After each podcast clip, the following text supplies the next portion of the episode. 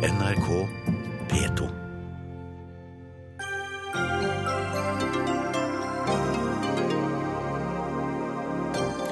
Nato må svare på den russiske opprustninga i nord, mener forsvarsministeren.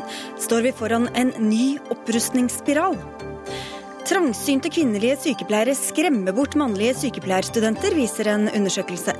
Mer heltid og fleksibilitet kan lokke dem tilbake, tror Høyre. Regjeringa vil la barn kjøpe sjokoladesigaretter og lakrispiper i matbutikken. Hvorfor vil helseministeren lære opp barn til å røyke, spør lege. Og på tide å avskaffe skolenes skidag, hevder sosiolog. Tar du skidagen fra oss, tar du identiteten vår samtidig, svarer sportskommentator.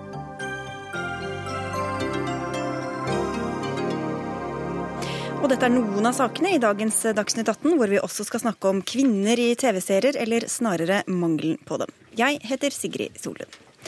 Norge må vie nordområdene større militær oppmerksomhet. Det ber Norge om. Da forsvarsminister Ine Eriksen Søreide deltok på forsvarsministermøtet i den transatlantiske forsvarsalliansen før helga, oppfordret hun Nato til å svare på den russiske opprustninga i nordområdene. Og Ine Eriksen Søreide, hva er det Russland har gjort som gjør at du nå ber Nato holde et ekstra godt øye med nordområdene? Vi oppfordrer Nato til å ha god situasjonsforståelse i hele ansvarsområdet til alliansen, og det gjelder også nordområdene. Vi følger opp et initiativ som Norge egentlig tok første gang i 2008, det såkalte nærområdeinitiativet, for å trekke alliansens oppmerksomhet både inn mot kjerneoppgaven som er kollektiv sikkerhet, men også til våre geografiske nærområder. Og det er jo særlig det faktum at Russland nå gjennomgår en storstilt militær opprustning og modernisering. Det at de gjennom å bryte folkeretten har annektert annektert Krim og driver destabilisering i Øst-Ukraina og har en mye tydeligere hva skal vi si, stormaktsretorikk enn de har hatt tidligere, som bidrar til å skape mye ustabilitet og uforutsigbarhet egentlig i hele Europa. Og det inkluderer selvfølgelig også våre nærområder. Men det handler ikke om et rustningskappløp, som jeg så at noen ville ha det til, men det handler særlig om det å være klar over situasjonen i våre områder, vite hva som skjer der, og kunne operere mer, øve mer dersom det trengs. Men hva er det russerne gjør nærme vår grense, da, som gjør at vi må følge ekstra nøye med? Vi opplever i våre nærområder at det er økt aktivitet både i lufta og til havs. Vi opplever jo ikke, i motsetning til bl.a. svenskene og finnene og balterne, grensekrenkelser. Og det er jo en viktig forskjell. Der i Østersjøområdet ser vi også mye mer aggressiv flyvning og aggressiv oppførsel.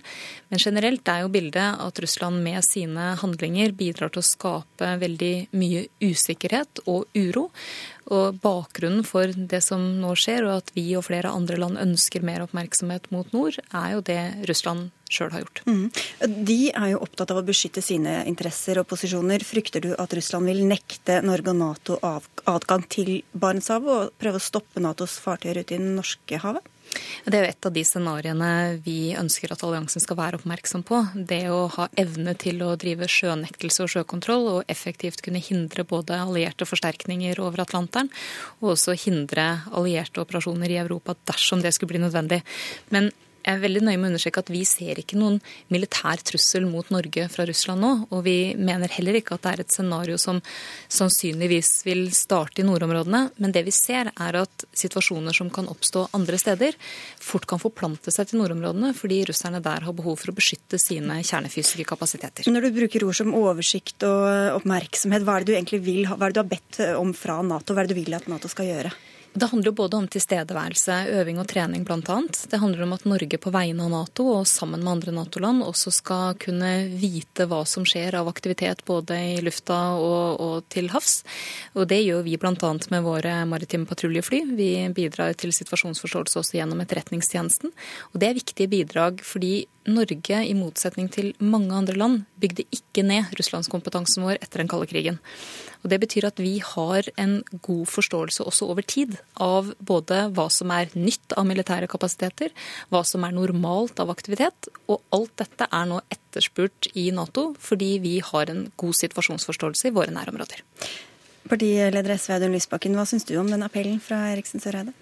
Altså, Å se mot nord, det er vi opptatt av. Vi er opptatt av å skape et forsvar som er i stand til å hevde vår suverenitet til nord. Men jeg vil advare mot en retorikk som vi noen ganger har fått fra regjeringen, som gir grunnlag for den typen diskusjon om, om Norge ber om en form for Nato-opprustning, økt militær tilstedeværelse i nordområdene. Fordi det å unngå nå at vi får en sånn tilbakevending til kaldkrigsretorikken, tror jeg er en viktig del i seg sjøl av å prøve å redusere spenningene, få til en god dialog med russerne. Vi deler jo kritikken av Russlands opptreden eh, på Krim, eh, bekymringen for eh, den politiske utviklingen vi ser i, Moskva.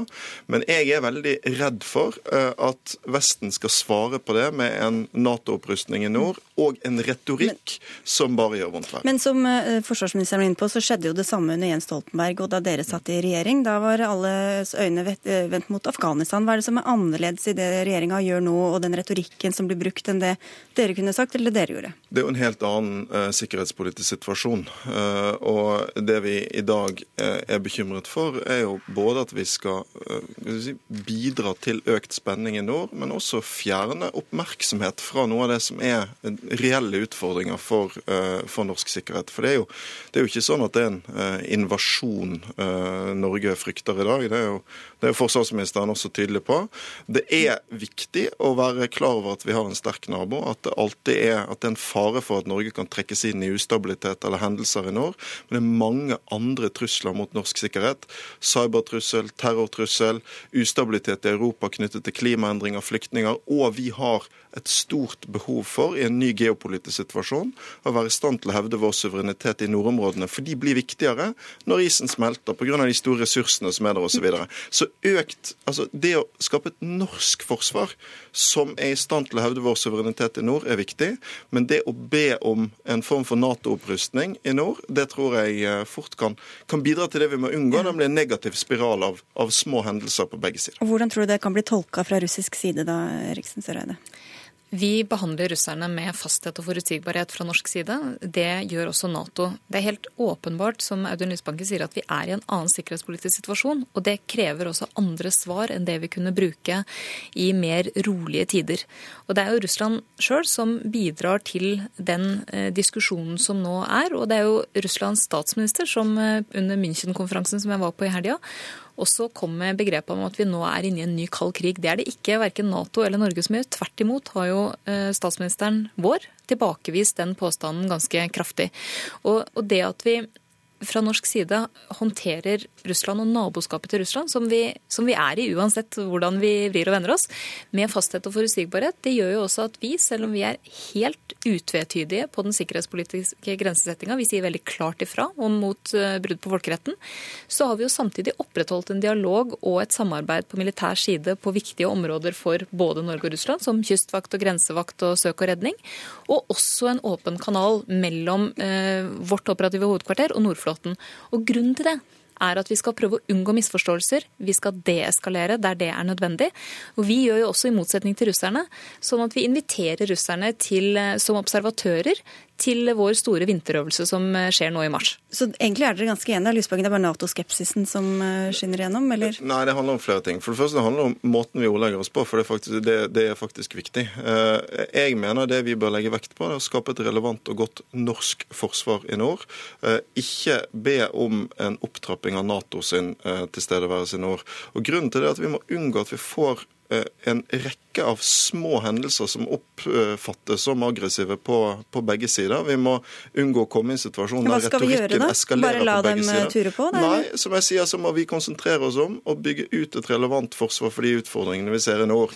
Både denne, men også mange andre. Og Det er jo derfor det vi virkelig trenger å diskutere, det er hvordan vi prioriterer de begrensede ressursene vi har. Regjeringen vil ikke kjøpe inn så mange kampfly, kjøpe altfor mange kampfly, som svekker uh, forsvarsevnen vår.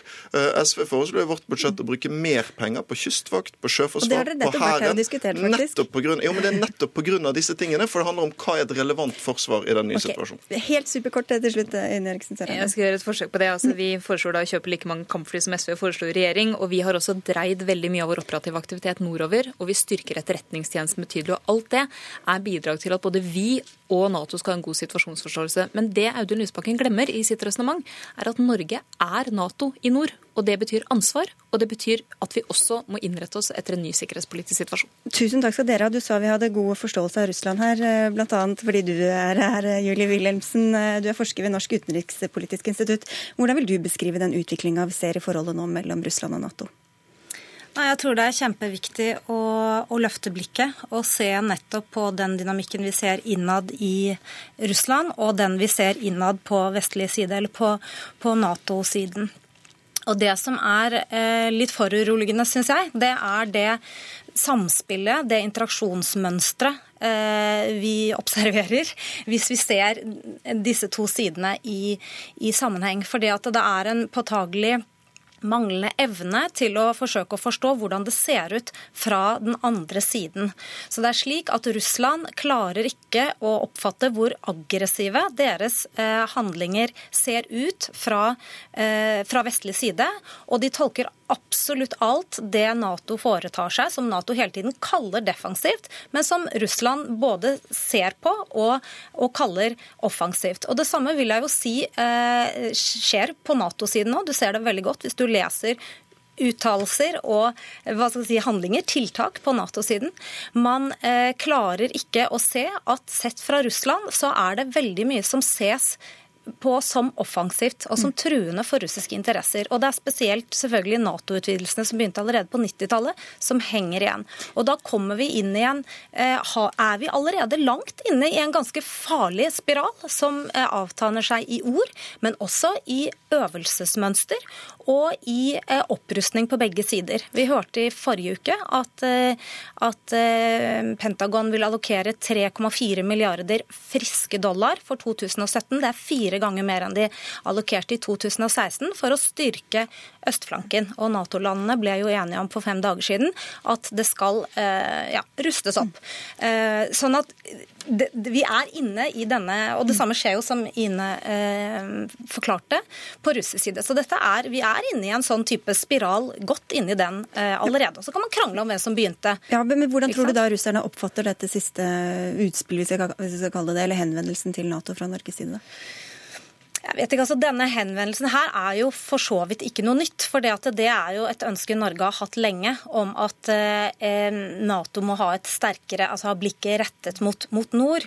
Um, så problemet er jo hvilken kontekst det faller inn i nå. Og så på en måte paranoide som, som russerne er for, eh, for Nato nå, så er det klart at ethvert tydelig Nato-nærvær i nord Eh, vil tolkes som en, en provokasjon, og de vil handle eh, handle eh, i tråd med den utfordringen og si at de holder på med defensiv virksomhet, og vi kommer til å oppfatte det som offensiv virksomhet. Litt urettferdig å be deg bruke 20 sekunder på å svare på dette, men hva kan man gjøre da for å liksom, tone ned konfliktnivået?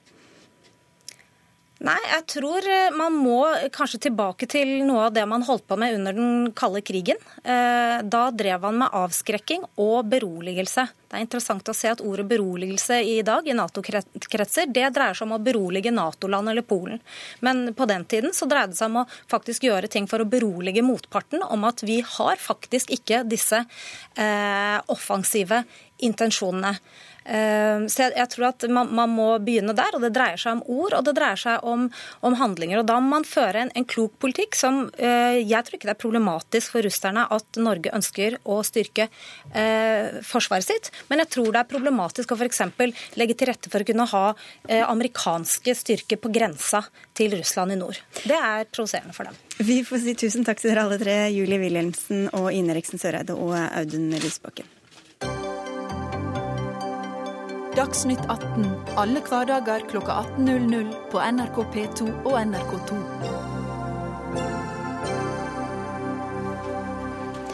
Mann kan bli sykepleier er navnet på en rekrutteringskampanje for å få flere menn til å velge sykepleieryrket. Bare drøyt halvparten av de mannlige studentene fullfører utdanninga i dag, kunne NRK fortelle tidligere i dag. Og flere av disse mennene sier at de føler seg dårlig behandla og sett ned på av kvinnelige sykepleiere når de er ute i praksis. Mia Andressen, du er studentleder i Sykepleierforbundet og ivrig for at flere gutter skal eh, peile seg inn på sykepleieryrket, noe alle som ser oss på TV kan se på T-skjorta di. Men når de kommer ut i praksis, så får noen av dem høre at de helst bør ta opp søpla eller være på skyllerommet. Da er det kanskje ikke så rart at de mister motet? Nei, og det er jo noe som vi ofte får tilbakemeldinger om. Eh, og det er jo studenter som ringer inn til oss og forteller om sine opplevelser fra praksis spesielt, men også fra studiehverdagen sin på, i undervisning, og hvordan de opplever at de kanskje faller litt uten, utenfor, og at det er ikke et miljø som kanskje ivaretar dem sånn som de hadde ønska seg. Hva kan man gjøre med det, da? Ja, Vi har veldig mange tanker om det. Vi har jo f.eks. starta denne kampanjen Man kan bli sykepleier, eh, som har 6000 følgere nå. Der vi åpner opp for en diskusjon, der vi ønsker at både sykepleiere og sykepleierstudenter, men også samfunnet generelt, skal være med å diskutere hvordan vi kan endre både kultur, eh, dårlig kultur, eh, men også komme med gode tiltak på hvordan vi kan forbedre disse forholdene for disse guttene og disse mennene som ønsker seg til sykepleieryrket. Mm. Tone Trøen, du er helsepolitisk talsperson for Høyre, og også selv bakgrunn som sykepleier. Hva tror du er grunnen til at det eventuelt er kommet en sånn ukultur, da? Nei, jeg tror, eh, jeg tror, eh, du peker på noe som er veldig sentralt. Og jeg tror også at det er veldig underkommunisert hva en sykepleier egentlig er. Eh, og det må vi ta ansvar for alle. Det er ikke bare varme hender? Nei. Det å være sykepleier er et veldig selvstendig, spennende, krevende yrke. Det er rett og slett ganske actionprega. Jeg ville trodd at det passa for veldig mange menn. Eh, og jeg tror vi er nødt til å snakke mer om det, og at dette med å kalle det et trøst og bære-yrke, mm. den tiden er forbi. Sykepleiere har krevende arbeidsoppgaver. Hva tror du eh, Andresen, politikerne må gjøre? Du sier at dette må løftes opp på et politisk nivå. Hva må Trøen og hennes kolleger eh, gjøre? Så jeg mener jo at Altså I forhold til det politiske så gjelder det jo å gjøre noen tiltak tidlig, som ikke nødvendigvis bare gjelder høyere utdanning, men som gjelder også tidligere i, i valg av utdanning, f.eks. i ungdomsskole, videregående skole. Det å kunne styrke veilederkompetanse og rådgiverkompetanse hos de som eh, skal rådgi deg når du er ung, i forhold til hva du skal velge når du skal ut i yrkeslivet, i forhold til muligheter. ikke sant? Vi har stort behov, og det å kunne da fortelle hva yrket innebærer, det er veldig, veldig viktig. Men så sier du, du nikker, Trøen, men du mener også at sykepleiere Sykepleierforbundet selv har et ansvar for at det kanskje er blitt som det er blitt? Jeg mener i hvert fall at vi må ta på alvor at uh, kanskje mange av disse guttene hopper av. Uh, etter at de har vært ute i praksis. Og av den første praksisen man har, er i kommunehelsetjenesten. Og jeg tror den hverdagen mange ser der, eh, med mye deltidsarbeid, høyt sykefravær, Eh, og kanskje noe lav lederstruktur, for det tror jeg vi må være enige om at det er i kommunehelsetjenesten. Det er utrolig viktig at vi snur på. Her har jo vår regjering vært opptatt av å bygge kompetanse i kommunene, eh, styrke lederutdanningen for de som jobber i kommunene. Og det gjør at etter hvert så vil studenter på dette feltet oppleve å komme til kommunale praksisplasser som også er høykompetente. For, for, de pasientene vi har i kommunene nå, krever jo nettopp at vi har sykepleiere og helsefagarbeidere som er eh, dyktige fagarbeidere på, på, sitt område. Men også at eh, mange av dem kanskje kommer ut og ser at her er det mye deltidsstillinger, og det er, kan ikke jeg være med på som mann eller kvinne for den saks skyld? Nei, og det er en av de store utfordringene. I kommunehelsetjenesten er det 67% deltid. Så her mener jeg at partene i arbeidslivet må sette seg ned sammen og forsøke å løse dette gamle problemet, som er veldig mye deltid. Og da må vi finne nye løsninger når det gjelder turnus og arbeidstid. Og det er dere en av partene i. Sykepleierforbundet? Jo, det er også et annet politisk virkemiddel. ikke sant? Det her med lovfesting av praksisplasser i kommunen er vi svært opptatt av. Å få gode praksisplasser som kan rekruttere både gutter og jenter, eh, menn og kvinner, til yrket. Men selvfølgelig, det handler jo også om at man ønsker seg et arbeidsliv der man har muligheten til å ha familieliv, der man har muligheten til å ha et hverdagsliv og ikke ha så fleksibel arbeidstid at det går utover et eh, eventuelt ønske om å være sykepleier. For her er det egentlig kjernen i uenigheten. Er, er turnusforhandlinger og såkalt fleksibilitet i arbeidslivet som legger deg litt ulike ting i, Tone Trønd? Men det å ta en utdanning hvor du øh, egentlig tvinges til å gå inn i et deltidsyrke, er heller ikke særlig spennende verken for jenter eller gutter. Så vi er nødt til å sørge for at disse yrkene blir heltidsyrker, og at det er en kultur for det. Og da må vi finne ut av hvordan vi skal løse det. det er vi veldig enig i. Vi får ta det i en annen debatt og se om eh, kampanjen eh, når frem. Tusen takk skal du ha, Mia Andresen. Tone Trønd, du blir sittende. Mm, takk.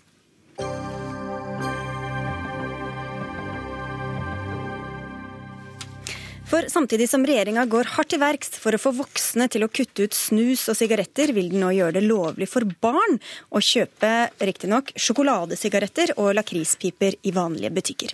Forslaget til lovendring har vært ute på høring, og selv om fristen er ute og innspillene inne, ønsker ikke departementet selv å forsvare sitt eget forslag. Men du sitter jo her da, Tone Trøen fra Høyre, fortsatt helsepolitisk eh, talsperson på Stortinget, som altså nå skal ta stilling til en mulig lovendring. Hvorfor vil dere tillate sjokoladerøyk og lakrispiper lett tilgjengelig for barn i butikkene? Altså jeg tror det er veldig viktig at vi har eh, lover og regler i dette landet som oppleves relevante for folk.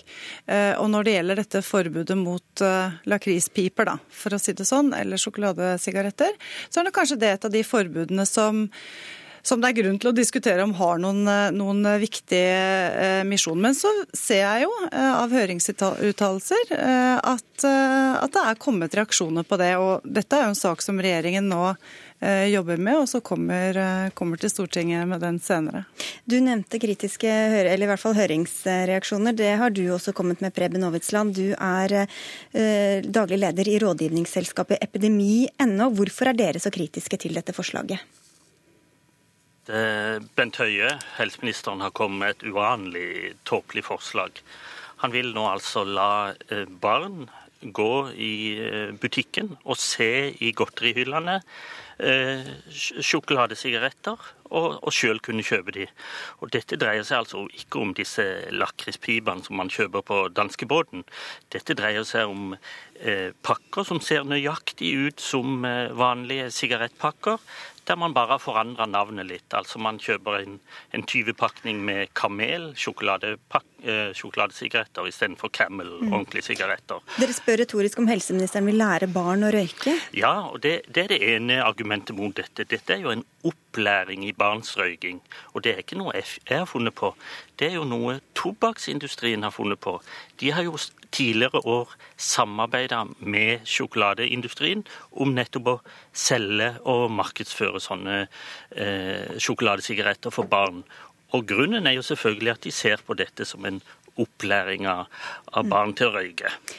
Trøen, lære barn til å røyke, det er vel ikke det som dere ønsker? Nei, absolutt ikke. Og jeg vet at uh, Aavitsland og jeg deler nok samme visjon om at vi ikke ønsker en, uh, en ung generasjon som skal bli nikotinavhengig.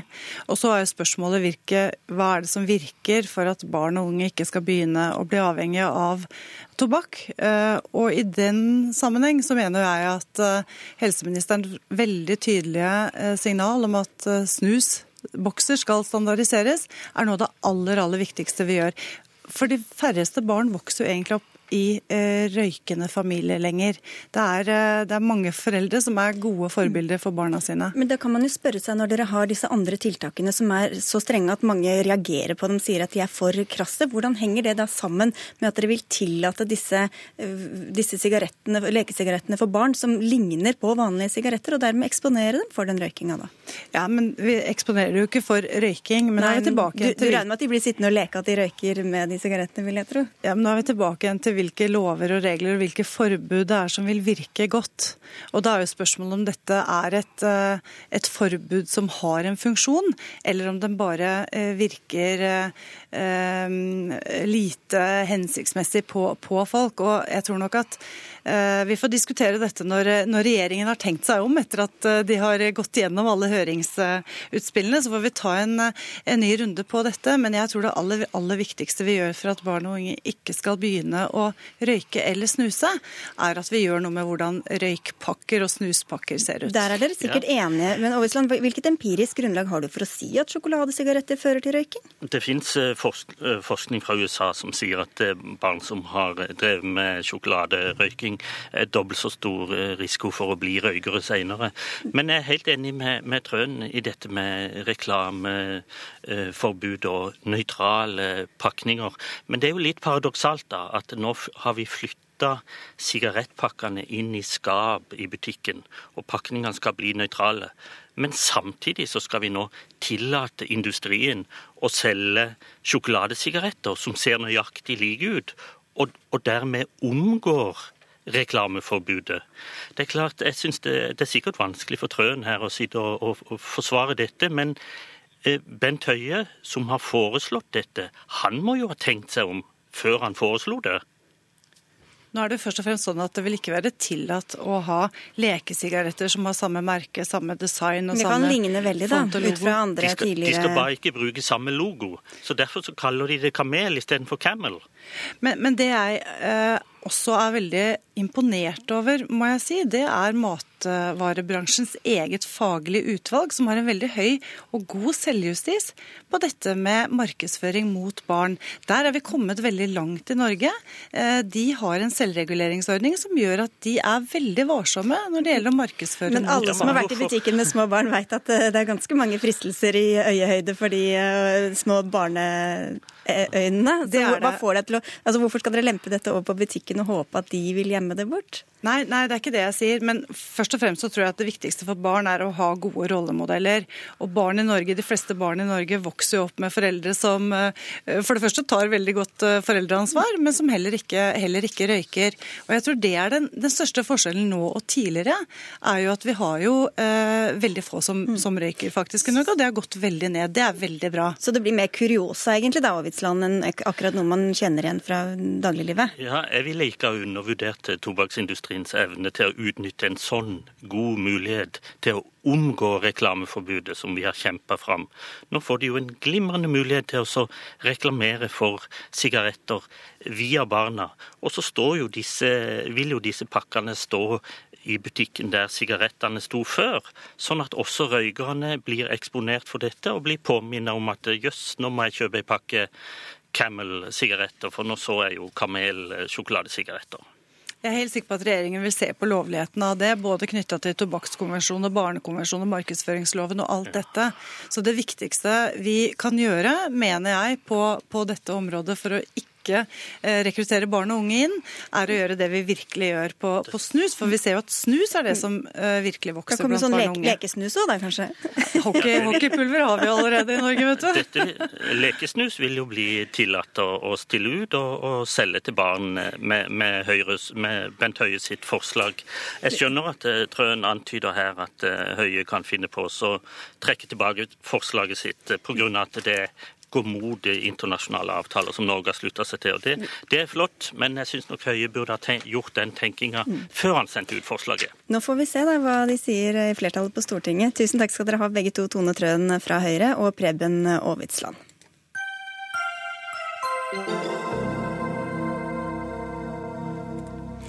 Kvinner i politiet blir diskriminert og seksuelt trakassert, ifølge Likestillings- og mangfoldsutvalget i Politiets Fellesforbund.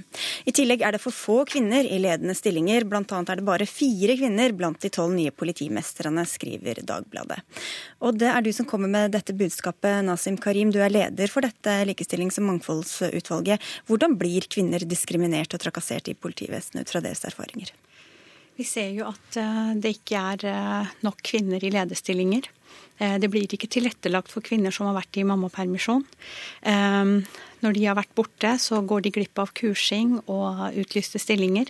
Dette medfører at man ikke blir aktuell for de kommende lederstillingene. Og vi ser jo at eh, menn rekrutterer menn. Eh, systemet er bygget opp av menn, for menn. Eh, lister, tjenestelister blir laget av menn. Og de hensynene som skal tas for at kvinner skal kunne være med på operative stillinger og være med å søke lederjobber, de tas ikke. Hvor er det du savner kvinnene? Det er jo mange kvinner i politiet og blant politistudentene. Ja, jeg savner dem i operative stillinger. Jeg savner dem som instruktører, som innsatsledere. Jeg savner dem i lederstillinger med budsjett og eh, personalansvar. Der hvor makten er, der hvor man tar avgjørelser. Hvordan vet du at ikke de er der fordi de selv velger å ikke ta de stillingene? Det er noen som ikke ønsker å være det, akkurat som noen menn ikke ønsker å være ledere. Men jeg møter veldig mange kvinner som møter en stor motstand. Og da er det ikke fordi at de ikke selv ønsker det, det er fordi at rammene er skapt av menn for menn. Hvorfor er det så viktig å få inn flere kvinner i disse stillingene? Fordi at eh, vi trenger det. For å få de beste løsningene, mest kvalifiserte lederne, så må vi kunne velge blant hele befolkningen, ikke bare 50 av befolkningen. Er det noe spesielt i eh, politiet, altså som i kulturen eller sånn, som tilsier at det eventuelt er, er eh, sånn? Jeg tror nok vi fortsatt er preget av at det var en mannsdominert yrke. Selv om vi har fått veldig mange kvinner i etaten, så er de fortsatt på det lavere nivå, og de får ikke påvirket eh, politiet på samme måte. Og hvem mener du har ansvaret eller skylda da, for at det er såpass skjevt? Det er nok lederen, lederne og ledelsen. Det, vi ser jo at vi påpeker dette problemet, og de utlyser jo også eh, utlysningene at de ønsker flere kvinner. Men hvilke konkrete handlinger eller tiltak gjør de for å få kvinner? Det, det, har ikke jeg sett. Vi skal straks få inn eh, justis- og beredskapsminister Anders Anundsen her. Hva savner du fra ham, da? Det er mye, men eh, jeg ble For det første savnet jeg støtte. Når jeg gikk ut og sa dette, så kalte han det for negativ støy. Jeg, altså, reaksjonen hans er ikke ukjent, men dette her ser vi på lavere nivåer, at ledere reagerer med å si at det er støy. Men jeg hadde ikke forventet det hos han. Og jeg savner en konkret plan. Jeg savner fokus på dette området, og jeg savner positiv oppmerksomhet istedenfor å skulle hysje det ned. Mm. Han vil sikkert korrigere, eller i hvert fall nyansere det bildet nå hvert øyeblikk. Men han sa jo også at dette kunne avskrekke kvinner. Er du redd for det? At det du sier nå kan skremme kvinner fra å ta stillinger? Jeg tror veldig mange kvinner blir glad for at jeg sier det. Alle tilbakemeldingene til meg har vært at tusen takk for at du setter ord på problemene. Så jeg tror at dette her vil kanskje gi dem mer lyst til å være i politiet, for det er noen som snakker deres sak. Tusen takk skal du ha for at du kom til Dagsnytt 18, Nasim Karim fra Felles, eh, Politiets eh, Fellesforbund. Og da til den annonserte justisministeren her, eh, Anders Anundsen. Jeg tenker Vi kan komme tilbake til de uttalelsene som du ble kritisert for her, men først må jeg bare høre deg om hovedsaken. Er du fornøyd med andelen kvinnelige ledere i politiet? Nei, og Det henger jo egentlig sammen med det jeg svarte. fordi Jeg er ganske skremt over at eh, Karim feilsiterer på den måten hun gjør. fordi Jeg svarte når det gjaldt eh, trakassering, vil jeg gjerne sitere, for det står i Dagbladet så alle kan kontrollere det. Og Det var ikke at det var negativ støy. Det var følgende. Jeg er helt enig med Karim i at likestilling i politiet skal være en selvfølge, og at trakassering eller forskjellsbehandling pga. kjønn er helt uakseptabelt. Og så sa jeg at man også kan være litt fornøyd med at det faktisk skjer positive ting. Og det gjelder lederne i politiet. Nå har vi altså en høyere andel kvinnelige politimestere enn vi noen gang har hatt hatt tidligere. Men nå glemte du å si det, det, med den negative støyen, da. Og det mener jeg. Jo, men der kommer det. Og det mener jeg at man bør kunne skryte av, og ikke bare lage negativ støy rundt det nemlig en framdrift, en positiv utvikling. Og det må jeg ærlig talt få lov til å si. Vi er i en situasjon nå hvor vi fortsatt trenger flere kvinnelige ledere i norsk politi, men det har skjedd veldig mye den siste tiden. Og vi har nå flere, en høyere andel politimestere som er kvinner, enn noen gang tidligere. For Hun mener jo også at din reaksjon også spiller tilbake til hvilke virkemidler og hvordan man ser på denne situasjonen. Høre med Lene Vågslid, altså du sitter i justiskomiteen for Arbeiderpartiet. For like mye som selve oppslaget fikk oppmerksomhet, fikk jo disse uttalelsene fra Anundsen oppmerksomhet, og du var en av dem som lot deg hissa opp over dem. Hva var det du reagerte på? Ja, nei, Jeg reagerer på det samme som Karim, egentlig. Eh, vi er jo vant til at justisministeren helst vil snakke om de positive tingene, eh, og det skjønner jeg godt at han vil. Eh, det Nasim Karim gjør her, det er å ta en veldig viktig rolle eh, på vegne av veldig mange som hun har snakka med, der hun sier fra om kritikkverdige forhold i politiet, eh, som eh, jeg opplevde på samme måte som Karim, at justisministeren ikke tok på alvor. For selv om han eh, deler opp måten han svarer på, så sa han jo i eh, sitatet at, eh, at han òg ville ha fokus på de positive tinga, og ikke bare det som kunne skape negativ støy. Og jeg tror dette her, hvis en tar eh, bekymringer og rapporteringer om seksuell trakassering på alvor, så svarer han ikke på den måten. Men dette må jeg si jeg reagerer veldig sterkt på. For jeg må si at jeg har en forventning til at stortingsrepresentanter kan lese et helt sitat og ikke dele det opp. Og eh, jeg må si at eh, når jeg på den ene siden tar seksuell trakassering svært alvorlig, og det gjør jeg, det har jeg tatt opp med Politidirektoratet, de følger opp dette på eh, mange viktige områder, og vi kan godt komme tilbake til det. Men jeg syns også det er viktig at vi viser frem det som faktisk går bedre. Vi, altså, vi har nå en høyere andel kvinnelige politimestere enn Arbeiderpartiet en gang drømte om i sin periode. Det syns jeg det må være lov til å si, når en samtidig etterlyser flere kvinnelige ledere. Og det er ikke sånn, dessverre, at vi bare kan over natten endre på at vi skal få en andel kvinnelige ledere som vi ønsker oss. Vi må jobbe målretta for å få det til. Mm. Og så er historien litt mer nyansert enn det jeg opplever Karim fremstiller det som. Det er et mm. flertall av kvinnelige ledere som er i administrative stillinger, f.eks. En tredjedel, og det er for dårlig, men det er fortsatt en tredjedel av ledende politijurister er kvinner. Og så er det altfor få i operative stillinger, som Karim også sier. Men hvilke signal tror du du sender ved å si både dette med støyen og også dette med at hun, da, Karim, eh, bør, bør kanskje ikke bare snakke om det negative i den frykt at det kan avskrekke kvinner fra å søke disse jobbene. Hvilke signal sender du da? Jeg mener jeg sender det signalet at det også skjer positive ting i norsk politi som vi bør få frem. For det vil jo stimulere flere kvinner til å søke lederstillinger. Men kan det være at du også sender signal om at man kanskje ikke bør snakke så høyt om trakassering? Nei, for det er to forskjellige ting. Det er veldig viktig nå å ikke blande sammen spørsmål om trakassering på den ene sida og manglende likestilling, som er svært alvorlig, som skal rettes opp, hvor det er gjennomført en rekke tiltak, og det vil fortsatt bli gjennomført flere tiltak for å rette opp i det, og det at vi nå faktisk har en høyere andel kvinnelige politimestere, som var det andre poenget som Karim eh, tok opp, som ikke hadde noe med seksuell trakassering å gjøre. Men altså, det er helt utrolig egentlig at justisministeren velger den inngangen som hun gjør. Hvis eh, vi snakker om mobbing i skolen, da sier ikke Torbjørn Røe Isaksen la oss snakke om alle de som ikke blir mobba. Altså, Kan vi ikke snakke om det som er problemet, da? Og da sier Karim at det er en utfordring med seksuell trakassering i politiet. Hun varsler om en mannskultur, og at det er mangel på tiltak for likestilling. Før jul så fremma Arbeiderpartiet forslag i forbindelse med budsjettet om at regjeringen skulle komme tilbake til Stortinget, så vi kunne ta en skikkelig runde på hvilke tiltak vi kan iverksette. Politiets Fellesforbund har etterlyst en handlingsplan.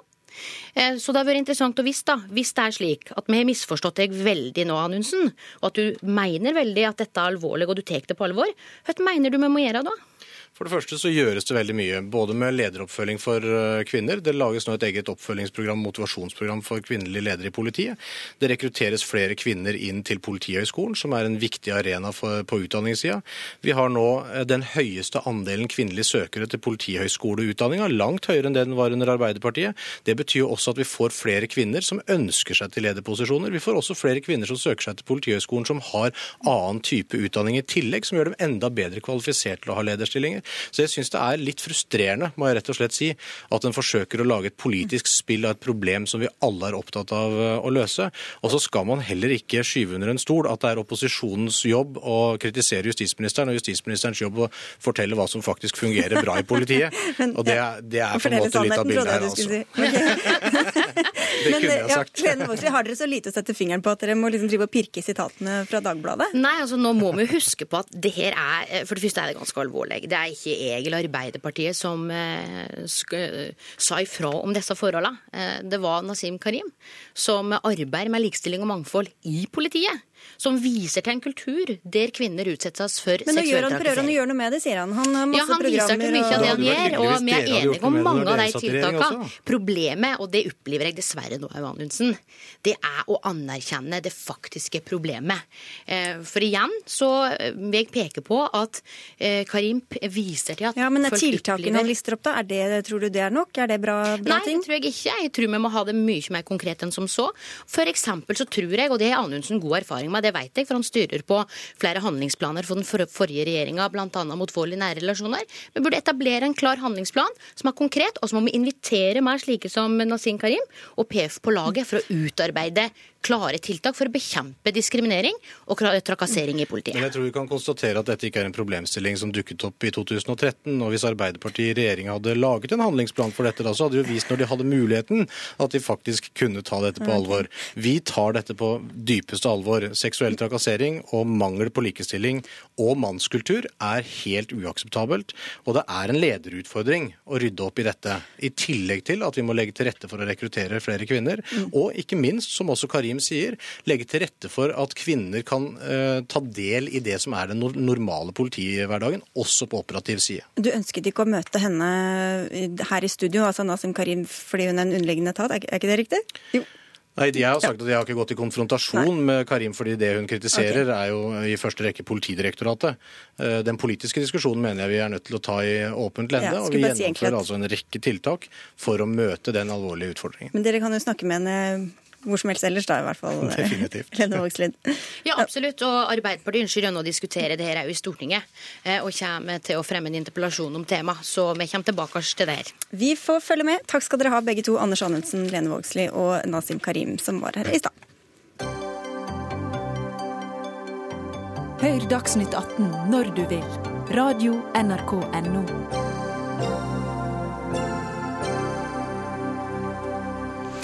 I årevis har vi talt og kritisert, og i årevis er konklusjonen blitt det er for få kvinner på lerretet og skjermen i viktige roller i norske filmer og TV-serier.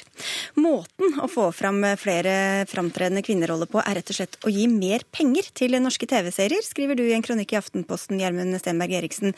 Du har lang erfaring med å skrive norske TV-serier og er hovedforfatter bak Mammon på NRK.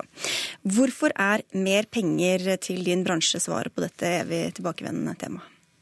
Det er fordi at du eh, må ikke telle film og TV som det samme. Det er det som jeg er eh, litt eh, lei av. Det er jo at man teller TV-serier og antall kvinneroller i TV-serier som man teller det i film. Og de statistikkene man har hatt diskusjoner på Man dro i gang tre ganger i fjor, tror jeg, debatten om hva som bør skje med norske dramaserier. Og det jeg føler vel at det blir kidnappet av det som egentlig er utfordringen, nemlig at det lages for få serier. I statistikken som presenteres, så tar man ikke med Hjem, ikke med Himmelblå, ikke med når man har en Emmy-vinner, eh, Øyevitne. Og i tillegg det året hvor Skam og Unge lovende er i gang, så syns jeg at man er nødt til å slutte å se på det i norsk TV-drama. Man må se på hvor mange serier eh, som lages, og at det er for lite finansiering, og at veldig mye av pengene går til film og veldig lite til TV. I det dårligste året 2% Å krangle om 40 %-andeler av 2% det gjør ikke veldig mange kvinner Det er så få serier at det er ikke plass til kvinner der? Det er så få penger til serier at det, det, å kjempe for veldig lite er veldig lite å kjempe for. Så hvis man er opptatt av lange, stabile kvinnelige og mannlige arbeidsplasser i TV-bransjen, så bør man få opp andelen TV-serier. Og få mer penger og mindre penger til dere, da, Sverre Pedersen. Du er forbundsleder i Norsk eh, Filmforbund. For du har ikke så veldig mye til overs for denne forklaringa eller nei, forslaget? Jeg syns at begge argumentasjonene hans de bommer. For det første så snakker vi om kvinner fordi at det er et systematisk skjevfordeling mellom menn og kvinner i hele film- og TV-bransjen. Det har vært fokuset vårt i veldig mange år. I løpet av 2000-tallet så har bransjen tatt initiativ til fire rapporter. Den første het 'Hvorfor menn velger menn og kvinner velger menn'. Den siste som kom i 2010, var 26 råd til politikerne og til Filminstituttet hva de kunne gjøre for å gjøre noe med dette. Så det, det som, Når han blander kortene, så er det enten fordi at han er kunnskapsløs, eller fordi at han prøver å bruke kjønnsproblematikken for å skape en annen debatt. Det syns jeg er uredelig. Jeg ser at det er to forskjellige kortstokker. Det er det som er mitt poeng. Så det andre som er vesentlig å si, det er at i 2010, når Anniken Huitfeldt startet opptrapping til eh, TV-drama fra 10 millioner til 40 millioner, så førte jo det til at 10 millioner som skapte TV-drama for 100 millioner, det økte til over 400 millioner når man firedoblet dette. Veldig effektivt. Så vi er 100% enig vi at det skal mer penger til TV-drama.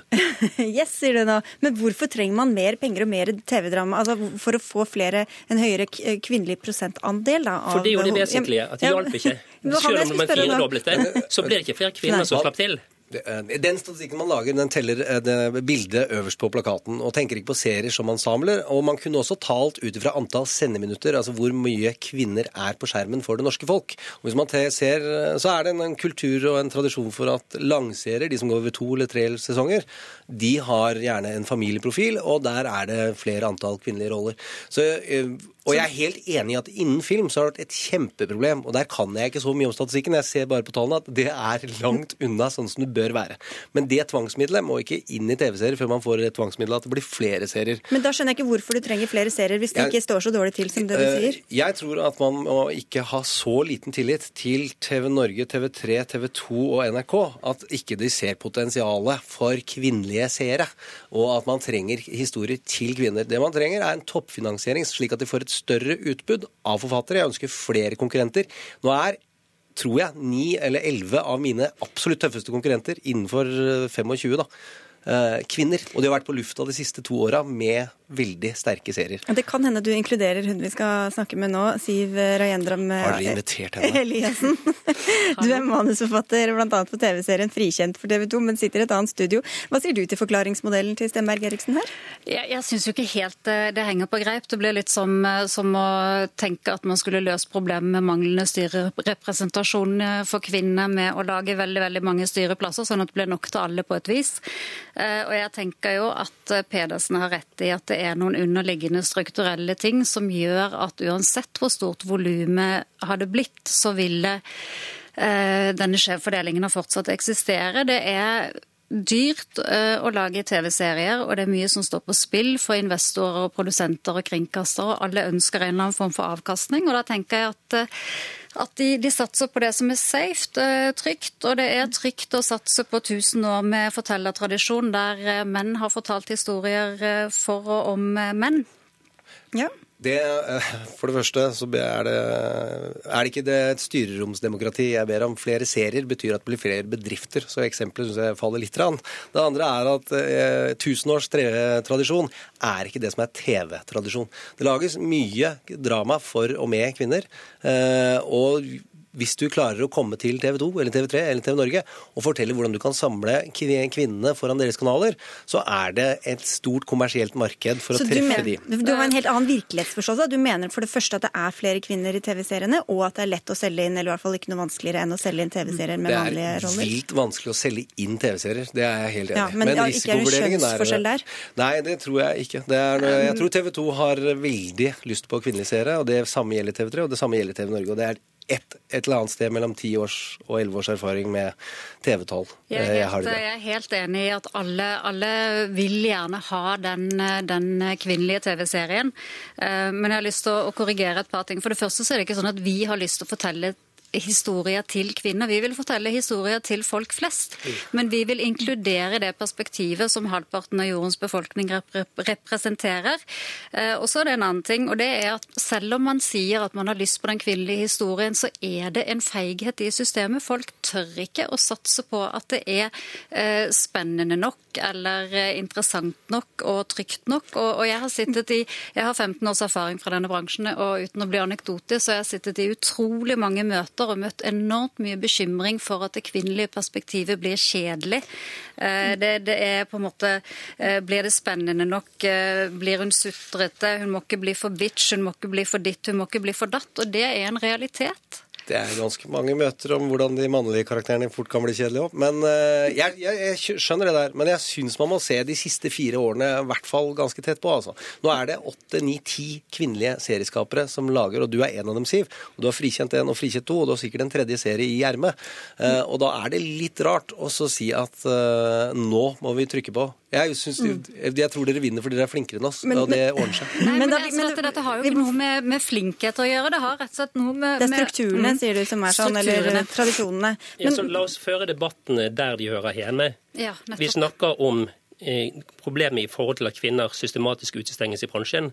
Det er en så viktig diskusjon at vi skal ikke blande den bort i eh, finansieringen av eh, TV-drama. Finansieringen av TV-drama bør bli bedre. Den har altså blitt firedoblet eh, i løpet av tiden fra 2010 fram til nå, uten at det er gjort noe dramatisk for å bedre kvinnenes representasjon.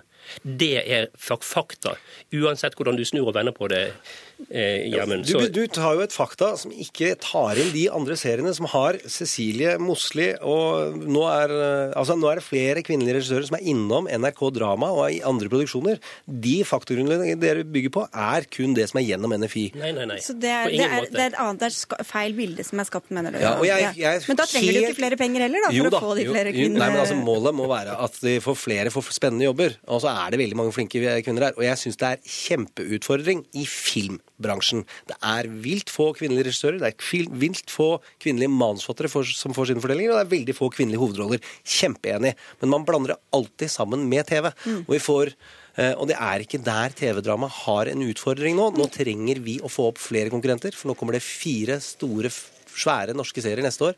Monster, Nobel, Valkyrien, Tredje øye og en til. Og bak der så kan vi lage en internasjonal industri av det. Da står det ikke så verst til da, Eliassen? Eh, jeg, jeg syns jo at, at, vi blander diskusjoner her. At, altså, på den ene siden så snakker vi om kvinnelige hovedkarakterer. og Uansett hvor ensemble man kan snakke om, så er det jo den, eh, altså, hovedkarakterens premiss som bærer fortellingen. Og, og jeg, jeg, jeg, ser ikke helt dette dramatiske skillet mellom eh, film og TV-drama. Vi, vi, jobber alle i samme type fortellertradisjon, og, og, det er overlappende bransjer.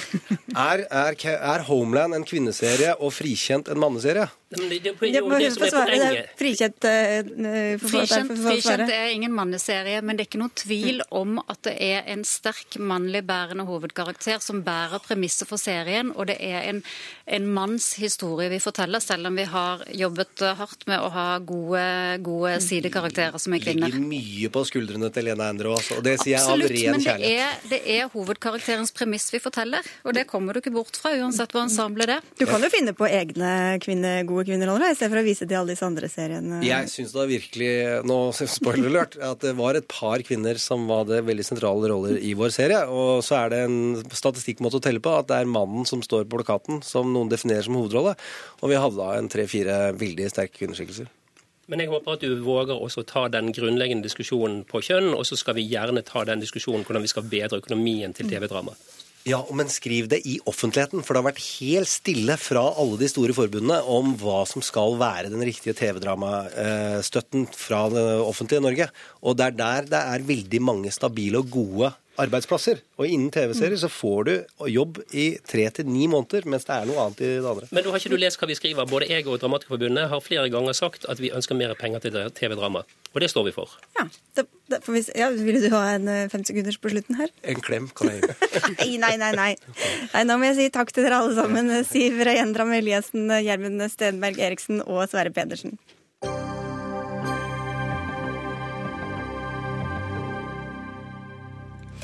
Skidag på skolen. Hvilke følelser vekker det?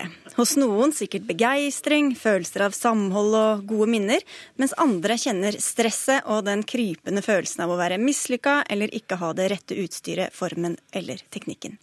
Nå er det på tide å avskaffe skidager som fellestiltak ved norske skoler, skriver du i en kronikk i Dagbladet, sosiolog Arve Gjelseth. Hva fikk deg til å konkludere så brutalt på skidagens vegne? Eh, Nei, altså, det, som utløste det, var jo at jeg hadde nettopp vært og kjøpt um, ski til guttungen. Og um, samme kveld da, vi, da guttungen var på svømmetrening, så møtte jeg en annen pappa fra en annen skole som hadde vært ute i akkurat samme ærend. Og det slo oss jo at uh, på en måte, ski er noe man kjøper fordi uh, de skal uh, bruke det på skolen. Nå tror jeg nok at vi hadde, akkurat vi hadde kjøpt ski til han i, før påske uansett. Men, uh, men det er, uh, det er altså sånn at det er ganske mange nordmenn som går lite på ski. Og det syns jeg nok at det er grunn til å tenke over. Du tråkker opp et minefelt her, da. Ja, det er tydelig det. Um, Jeg har, jeg har jo skrevet en del opp gjennom årene, men jeg har vel aldri fått så mange reaksjoner både fra kjente og ukjente som eh, denne gangen. Men jeg vil, altså, nå siden vi er på Dagsnytt 18, så, så syns jeg vi kan prøve å løfte blikket litt. Altså, jeg jobber som idrettssosiolog. Jeg utdanner mange som kommer til å bli kroppsøvingslærere.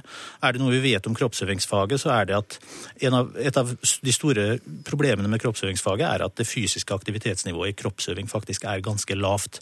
Hva kan vi gjøre med det? Jeg tror at å plassere barn som ikke behersker ski, på ski en hel dag, det, det er ikke spesielt, eh, spesielt konstruktivt med tanke på at de faktisk skal være fysisk aktive. Kommentator i Dagbladet, Esten Aasæter. En skidag er ikke bare en skidag for deg. Hva mener du vi fjerner hvis vi fjerner dette? Hva fjerner vi samtidig da? Det er eh, vår egen eh, historie, eh, for å være litt pompøs. og, eh, og av og til så skal vi få lov til å være litt pompøse på vegne av, eh, av landet vårt. Vi, en, vi er en vinterkultur. Eh, Vi har alltid drevet med ting i snø. Og jeg, jeg syns det er underlig å høre en idrettssosiolog, log, eller sosionom, eller hva man skal kalle det, eh, som, eh, som gjerne vil ta vekk noe fysisk trening fra skolene. Eh, Det, det er en snål måte å starte på. Er det noe vi vet, så er det at eh, unger trenger mer bevegelse enn det de har nå. Men spørsmålet er om det er den rette veien inn til den bevegelsen. Du er glad i å gå på ski, du er Nei. begeistret, kaller det historie, men mange gruer seg kanskje, Jo, men, til den dagen? Jo, men en skidag eh, må jo være alle mulige aktiviteter. Altså, det kunne være snøbrett, det kan være Han nevner selv aking, og det er jo ingen problemer med det. Altså, poenget er jo å komme seg ut i snøen. Eh, Samtidig så eh, er det ålreit å, lære forskjellige aktiviteter, fordi at de fleste av oss møter jo dette her når vi blir voksne igjen. Eh, ski bruk, eller ja, ulike typer vinter, vinteridrett, holder seg jo bemerkelsesverdig godt i Norge. Det er jo en økning nå i antallet som går på ski. Vi snakker jo tross alt om, når det gjelder unger, at det er over 80% og vi snakker om over 60% i de fleste områdene i Norge. Og en stor del av identiteten og historien vår, Gjelseth. Ja, altså, jeg vil, jo ikke, altså, jeg vil jo ikke ta bort fysisk aktivitet. Jeg tror jo at hvis man stilte det åpent for foreldre om barna skulle ha med ski eller akebrett, eller om de ville grave snøhull eller hva de ville, så ville det faktisk øke den fysiske aktiviteten. For terskelen for å være fysisk aktiv på ski er, er faktisk ganske høy for mange, for de som ikke er, har gått på ski siden de var veldig små. Mm. Så, så, det er jo, Jeg er helt enig med, med Sæther. Altså, la, det, la, folk, la barna velge om de vil ake eller om de vil gå på ski. Og da, og da er poenget at du, du, trenger ikke kalle det skidag, du kan f.eks. kalle det uteaktivitetsdag. Vil du gå på ski? Fint, det her ligger forholdene til rette for det. Vil du ake? Fint, forholdene ligger til rette for det også. Det er ikke, det er ikke snakk om å fjerne fysisk aktivitet, det er snakk om å foreta en liten forskyvning av hva vi kaller dette her. For det vi det jeg vet, som mange tilbakemeldinger jeg har fått også, også viser, er at hvis det er, defineres stramt som en skidag, hvor da, hvis man spør pent, så kan man få gå på beina i stedet og, og ha med et akebrett, så føler man seg litt utafor fordi det kalles en skidag. Mm.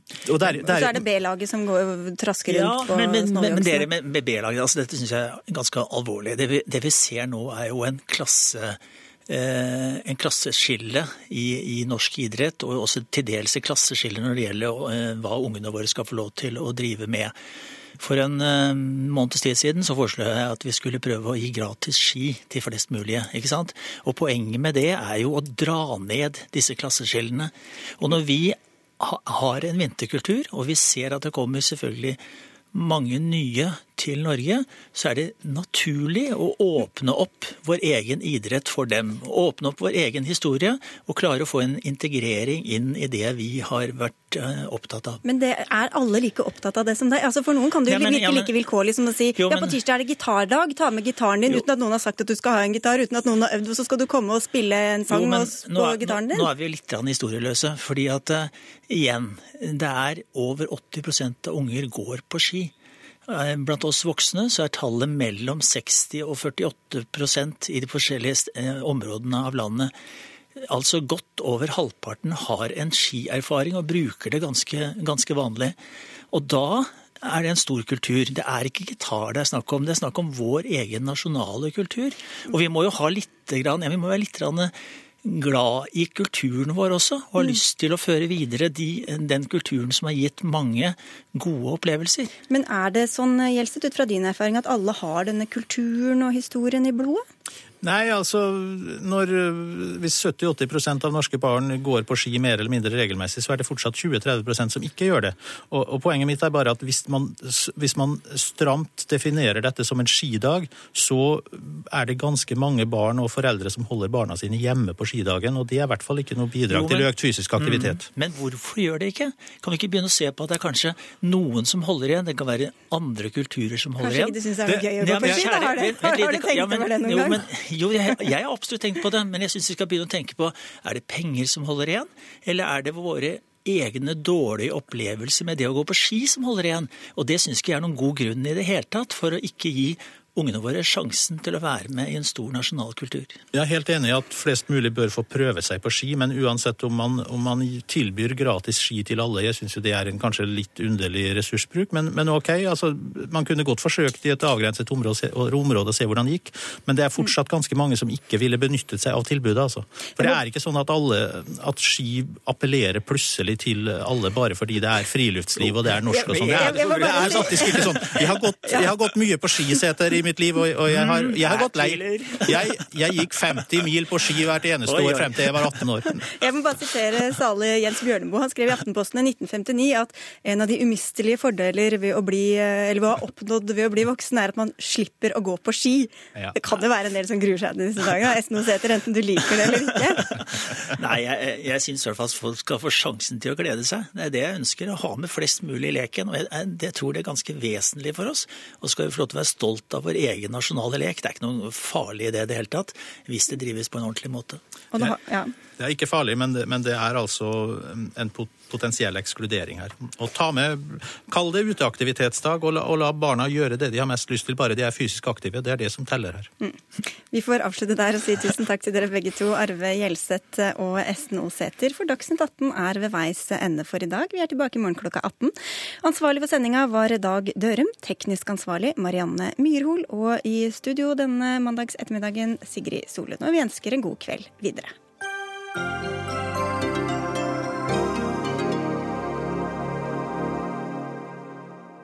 Hør flere podkaster på nrk.no podkast.